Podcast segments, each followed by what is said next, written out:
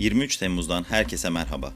Novus ailesi olarak mobil uygulamamızı sizlerle paylaşmamıza çok az kaldı. Bayram tatilinde sıkı çalışıyoruz. Son ayarlamaları yapıyoruz. Duyurular için LinkedIn hesabımızı takip edebilirsiniz. Görüş ve önerileriniz için bize morning@novus.press adresimizden yazmayı unutmayın. Keyifli günler. Türkiye'den gelişmeler. Artvin'in Arhavi ilçesinde dün akşamdan beri yaşanan şiddetli yağışlar sonrasında sel ve heyelanlar yaşandı. İlçenin büyük bölümünde yollar su altında kalırken Arhavi deresi taştı. Çok sayıda köye ise heyelanlar nedeniyle ulaşım sağlanamıyor. Geçtiğimiz hafta Rize'nin Çayeli ilçesinde meydana gelen sel ve heyelan sebebiyle 6 kişi yaşamını yitirmişti. Çin'in Henan eyaletinde şiddetli yağışların yol açtığı sel nedeniyle hayatını kaybedenlerin sayısı 33'e yükseldi. Sel felaketi nedeniyle 73 bin kişi evini terk etmek zorunda kaldı. Dünyadan gelişmeler.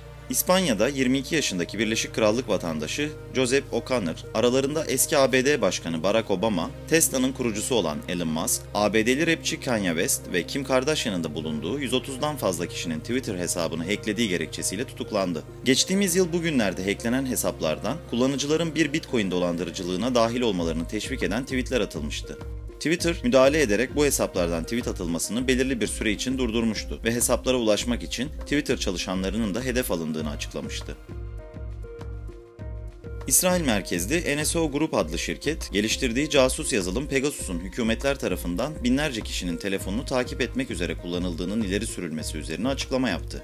Şirket, Pegasus yazılımı ile ilgili eleştirileri, alkollü araç kullanırken kaza yapınca şoförü değil, araba üreticilerini suçlamaya benzetti. 2018'de İstanbul'daki Suudi Başkonsolosluğu'nda Suudi yetkililerce öldürülen gazeteci Cemal Kaşıkçı'nın eşi Hanan Elatr'ın Android telefonu bir Pegasus kullanıcısı tarafından hedef alınmıştı. Hack girişiminin başarılı olup olmadığı henüz bilinmiyor. The Washington Post'un aktardığına göre cinayetten sonra Kaşıkçı'ya yakın bir gazetecinin de telefonu hacklendi.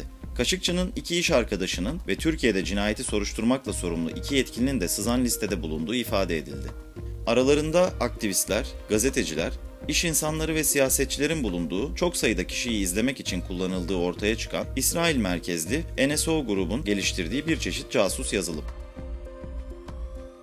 Tokyo Olimpiyatlarının açılış törenlerinden sorumlu yetkili, Holocaust ile ilgili şaka yaptığı görüntülerin ortaya çıkması sebebiyle törenden bir gün önce görevden alındı. Kentaro Kobayashi'nin 1990'lı yıllarda kayda alınan ama yakınlarda ortaya çıkan görüntülerinde soykırım ile ilgili şakalar yaptığı gerekçesiyle görevden alındığı anlaşılıyor. Japonya Olimpiyat Komitesi Başkanı Seiko Hashimoto, Kobayashi'nin videoda tarihin acı gerçeklerini alaya aldığını söyledi. Bir gün önce de açılış seremonisini hazırlayan ekipten bir besteci, okuldayken engelli sınıf arkadaşına zorbalık yaptığının ortaya çıkmasından sonra görevden ayrılmıştı. Mart ayında ise yaratıcı ekibin başındaki Hiroshi Sasaki, kilolu komedyen Naomi Watanabe'nin açılışta olimpik yani olimpik domuz olarak sahneye çıkabileceğini söyledikten sonra görevden ayrılmak zorunda kalmıştı. Sasaki daha sonra sözlerinden dolayı özür dilemişti. Rusya, Ukrayna'yı Avrupa İnsan Hakları Mahkemesi'ne şikayet etti. Rusya, Ukrayna'yı halkı temel insan haklarından mahrum bırakmakla suçladığı şikayetle ilk defa devlet olarak bir başka ülkeye karşı AİM'e başvurmuş oldu. Çin hükümeti Dünya Sağlık Örgütü'nün yapacağı COVID-19'un kaynağı ile ilgili soruşturmasının ikinci aşamasına katılmayacağını açıkladı. Çin'in soruşturmanın ikinci aşamasına katılmamasının nedeni bu aşamada virüsün Wuhan'daki bir laboratuvardan sızma ihtimalinin de araştırılacak olması olarak açıklandı. Ulusal Sağlık Komisyonu Başkan Yardımcısı Zheng Yixin, Pekin'de düzenlediği basın toplantısında laboratuvar sızıntısının soruşturmanın ikinci aşaması kapsamında bir araştırma hedefi olarak listelendiğini görünce şaşırdığını söyledi. Zheng aynı basın toplantısında ABD Dışişleri Bakanlığı'nca gündeme getirilen Wuhan Viroloji Enstitüsü'ndeki birkaç işçinin belgelenen ilk COVID-19 vakalarından kısa bir süre önce hastalandığı iddialarına da enstitüdeki hiçbir işçi veya araştırmacıya koronavirüs bulaşmadı diyerek yanıt verdi. Dünya Sağlık Örgütü Mart ayında COVID-19'un kaynağına ilişkin soruşturmasının ilk raporunu yayınlamış ve bu raporda virüsün Aralık 2019 civarında insanlara yayılmadan önce muhtemelen bir hayvandan kaynaklandığını belirtmişti.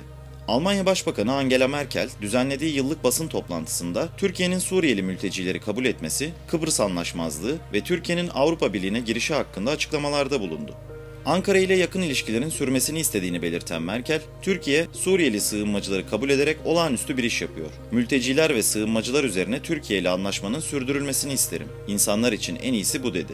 Türkiye ve Yunanistan arasında Kıbrıs üzerindeki anlaşmazlığın ilişkileri daha zor bir hale getirdiğini ve farklılıkların çözülmesi için sabır gerektiğini söyleyen Merkel, Türkiye'nin Avrupa Birliği'ne tam üye olabileceğini öngörmediğini belirtti.